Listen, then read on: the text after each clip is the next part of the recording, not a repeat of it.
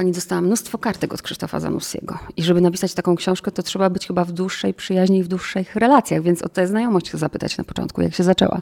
Ta znajomość zaczęła się czysto dziennikarsko. Poszłam jako dziennikarka gościa niedzielnego przed ponad 20 laty do pana Krzysztofa, do jego domu przy ulicy Kaniowskiej w Warszawie. Mieszkała wtedy w tym domu oprócz Elżbiety i Krzysztofa Zanussich, także mama pana Krzysztofa, legendarna już postać, żyła aż 97 lat, pani Wanda Zanussi. I poszłam tam na wywiad. A wiedziałam, że dziennikarka innego pisma katolickiego była wcześniej wyproszona z jego domu, tydzień chyba wcześniej, bo była nieprzygotowana, więc ja się przygotowałam. Miałam tych pytań ileś tam w zanadrzu przygotowanych. I rzeczywiście pan Krzysztof zaprosił mnie, żebym siadła po drugiej stronie biurka i mu, ja zadaję pierwsze pytanie, on mówi tak, ja zadaję drugie nie. I tak było przez 10 pytań, aż żeśmy doszli do któregoś tam 12, 13 może mm, o Maksymilianie Kolbe, o tym filmie, który zrobił i wtedy się rozkręciło. I kiedy mu po latach o tym mówiłam, zresztą piszę to w książce, że tak były trudne początki z nim, on mówi ze mną, zawsze są trudne początki. A trudno było namówić y, na, na, taki, na taką książkę, bo rzeczywiście osobista. No, nie przez przypadek pojawiają się w tej książce kartki, na które pani zwróciła uwagę. Te kartki przesyłane przez lata przez pana Krzysztofa z różnych miejsc świata. Właściwie otrzymuję je kilka razy w tygodniu czasem. To jest kilkaset tych kartek, pudła już właściwie. Więc one, to one mnie tak jakoś zobowiązały wewnętrznie. Przecież tam na tych kartkach to jest historia jego życia, bo małżonka prosiła go, żeby pisał nie tylko pozdrawiam stąd czy stamtąd, ale żeby odnotowywał, co robi. On tam zawsze pisał, co robi, jakie ma refleksje na, kanwie tych swoich wyjazdów i one mnie tak zobowiązały wewnętrznie. Mówię, napisałam o Kilarze, napisałam o Miłoszu książkę, bo ich znałam, a przecież pana Krzysztofa i jego żonę znam już tak długo. Z, nawet przyjaźni się z nimi, a z Elżbietą może bardziej niż z panem Krzysztofem, bo do niego mówię pan, a do Elżbiety mówię po imieniu. No i pewnym momencie, kilka lat temu, stwierdziłam, że zrobimy większe nagranie. No i było to trudne, bo przyjaźń zobowiązuje też, żeby nie pokazać bohatera z jakiejś złej strony. Natomiast pomogli mi moi bohaterowie, czyli pan Krzysztof i Elżbieta, bo oni poszli na całość, poszli na full, mówili prawdę i tylko prawdę, no, nie przekraczając oczywiście granic dobrego smaku, o co zawsze dbam i oni też. Uśmiechnęłam się, jak przeczytałam to zdanie, że Krzysztof Zanussi chyba to powiedział, że po przeczytaniu tej książki podobają się sami sobie. No właśnie, pan Krzysztof y, po 24 godzinach, bo oczywiście książka musiała być ten wywiad autoryzowany, zadzwonił do mnie z takimi słowami. Ja oczywiście byłam bardzo przejęta. Elżbieta też, y, chociaż Elżbieta powiedziała to inaczej i no, trochę poprawek tam było, ale powiedzieli, że rzeczywiście sobie się spodobali z tym wszystkim.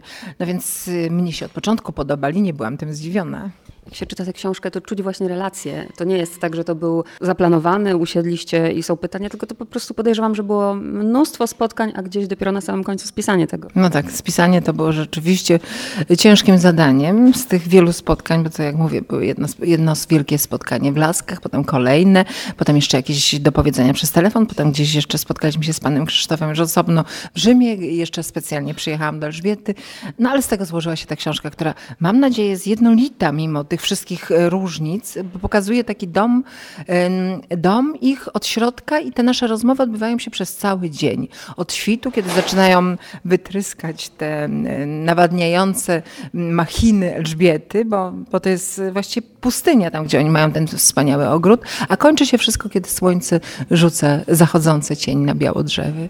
Próbuję sobie wyobrażać Krzysztofa Zanussiego, który mówi Idalio, nie nieść te, tego wiadra. No właśnie, te rozmowy nie są pozbawione humoru, bo humor rozładowuje wszystko i często państwo Zanussi mówią mi, że mimo tych kłótni, sporów i braku wspólnego zdania, to ratuje ich poczucie humoru i dystans. Ja dziękuję za tę książkę, bo mi też pani pokazała go jako człowieka, bo ta książka to bardziej, powiedzmy słuchaczom, dotyczy właśnie rodziny i tego, jaki jest. No to prawda, to jest zupełnie prywatna rzecz. O filmach jest tam też, bo na filmy to działa. Nie ma tak, żeby życie prywatne, żeby życie rodzinne nie działało na sztukę. To, to właściwie u pana Krzysztofa to jest niesamowite przenikanie, ale to przenikanie jest owiane tajemnicą i ta książka troszkę ją rozwiewa. Żebyśmy mogli zdradzić chociaż jakąś jedną anegdotę, historię z tej książki o życiu właśnie Krzysztofa i pani Elżbiety. A, no, Elżbieta na przykład mówi z zupełną e, taką spokojem, e, że zrezygnowała ze swojej twórczości artystycznej, ponieważ e, jak ona malowała, ona jest po Akademii Sztuk Pięknych i mówi, no taki, taki mój obraz to jakie ma znaczenie, raz w tygodniu przetrze ścierką jakaś panna służąca i nikt na, na niego nie spojrzy, czasem rama jest ładniejsza niż obraz. I mówi, no dałam pierwsze miejsce mężowi, ale potem mówi, on beze mnie by zginął, on mówi, rzeczywiście zginąłbym. Dlatego, bo byłbym człowiekiem aspołecznym, jakimś takim niedostosowanym do życia. To Elżbieta uczy mnie wielokrotnie, że na przykład siedzimy przy stole, a ona mnie stuka i mówi, tej pani podaj najpierw półmisek, a nie sam bierz. A ja mówię wtedy, zadałam to pytanie panu Krzysztofowi, ale to pana nie denerwuje takie zwracanie uwagi? On mówi, nie, denerwuje mnie raczej to, że ciągle nie mogę się nauczyć.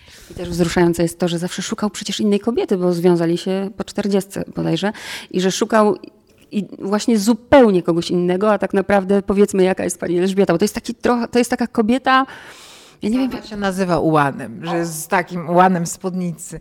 To jest osoba zdecydowana, mocna, jednoznaczna, która prawdę nazywa prawdą. Kiedy rozmawiamy na przykład o prawdzie w sztuce, w prawdzie w życiu, to Elżbieta mówi to natychmiast i wcale się tego nie krępuje. Mówi, ja o prawdzie nie mogę rozmawiać, gdybym nie mówiła o tym, który dał jedyny w świecie taki anons, że ja jestem drogą, prawdą i życiem, czyli o Jezusie Chrystusie. Krzysztof by tak nie powiedział, dodaje Elżbieta. A Krzysztof za chwilę mówi, ja bym tak tego nie powiedział i mówi to innymi słowami, chociaż myśli tak samo. No, ale to Elżbieta ustawia. Drodzy Państwo, myślę, że w tej książce e, znajdziecie trudną prawdę o tym, czego ludzie nie chcą wiedzieć, że miłość to jest ciężka praca, że to nie jest taki powiew namiętności, zakochanie, wywracanie oczami, motyle w brzuchu. Państwo Zanussi mówią o miłości, która ma swoją wartość przez to, że trzeba o nią walczyć, trzeba się nad nią trudzić. A taka miłość jest nam na co dzień dana i często na nią narzekamy. Więc żeby zobaczyć tą w niej iskrę, to warto przeczytać tę książkę i poznać sposób na nią e, pani Elżbiety i pana Krzysztofa.